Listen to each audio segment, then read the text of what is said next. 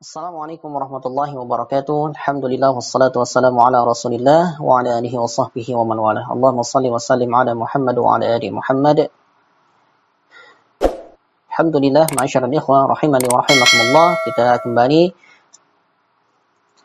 pada pembahasan tentang yaitu tahsinul qiraah dan insyaallah pada kesempatan yang ke-21 ini kita akan membahas tentang hukum lam ataupun alif lam ta'rif yang kedua yaitu idgham syamsiyah ataupun alif lam syamsiyah.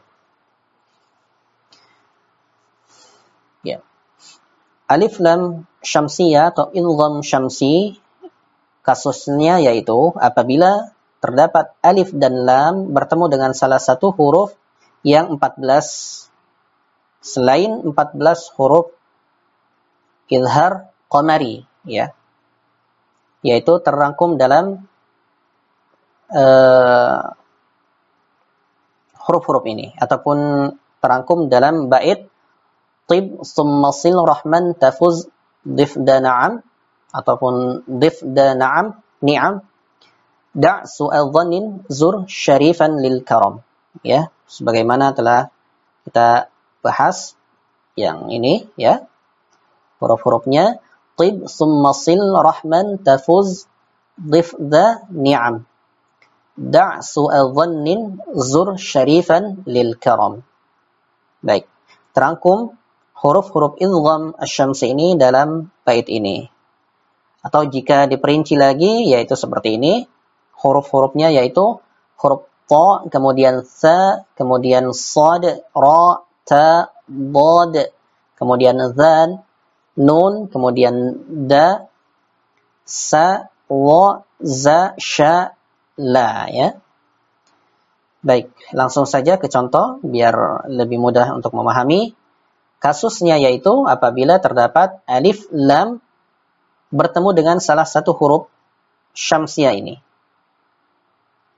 Apabila alif dan lam bertemu dengan salah satu 14 huruf ini, ya to kemudian sampai lam maka dibacanya yaitu diidghamkan ya dimasukkan kepada uh, huruf berikutnya atau huruf-huruf yang ada di sini. Sehingga lamnya tidak ada dan melebur ke dalam huruf berikutnya.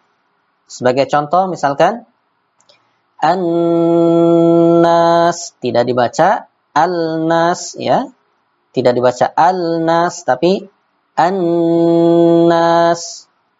Berikutnya as-samawat. As-samawat. Kemudian asy-syams. Asy-syams. Kemudian berikutnya al-lail. Al-lail. Baik. Untuk memudahkan kita juga dapat kita perhatikan yaitu apabila izhar qamari ya ya ataupun al-izhar al-qamari itu biasanya di atas lam berharokat sukun. Akan tetapi dalam kasus ini maka terdapat yaitu tanwin tidak ataupun di huruf berikutnya ya. Dan tidak terdapat uh, apa namanya tanda uh, qamariyah. Karena langsung melebur ke dalam huruf berikutnya. Jadi dibaca asyamsu tidak al-syamsu ya. Lamnya sama sekali tidak dibaca ya. Jadi misalkan di sini ada waw dibaca wasyamsi misalkan wasyamsi wallaili wallaili ya seperti itu. Jadi langsung melebur ke dalam ataupun ke huruf yang berikutnya di antaranya yaitu huruf-huruf uh, huruf-huruf ini ya.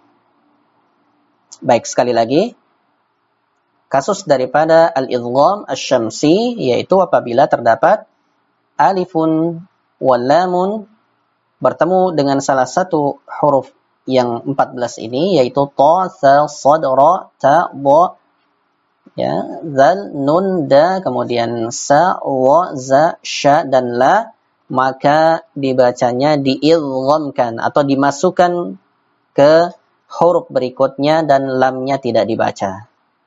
Baik, demikian pertemuan kita pada kesempatan kali ini. Insyaallah pada pertemuan berikutnya kita akan mencoba untuk latihan membaca idgham syamsiyah. Demikian subhanakallah wa bihamdika asyhadu an la ilaha illa anta astaghfiruka wa atubu. Wassalamualaikum warahmatullahi wabarakatuh.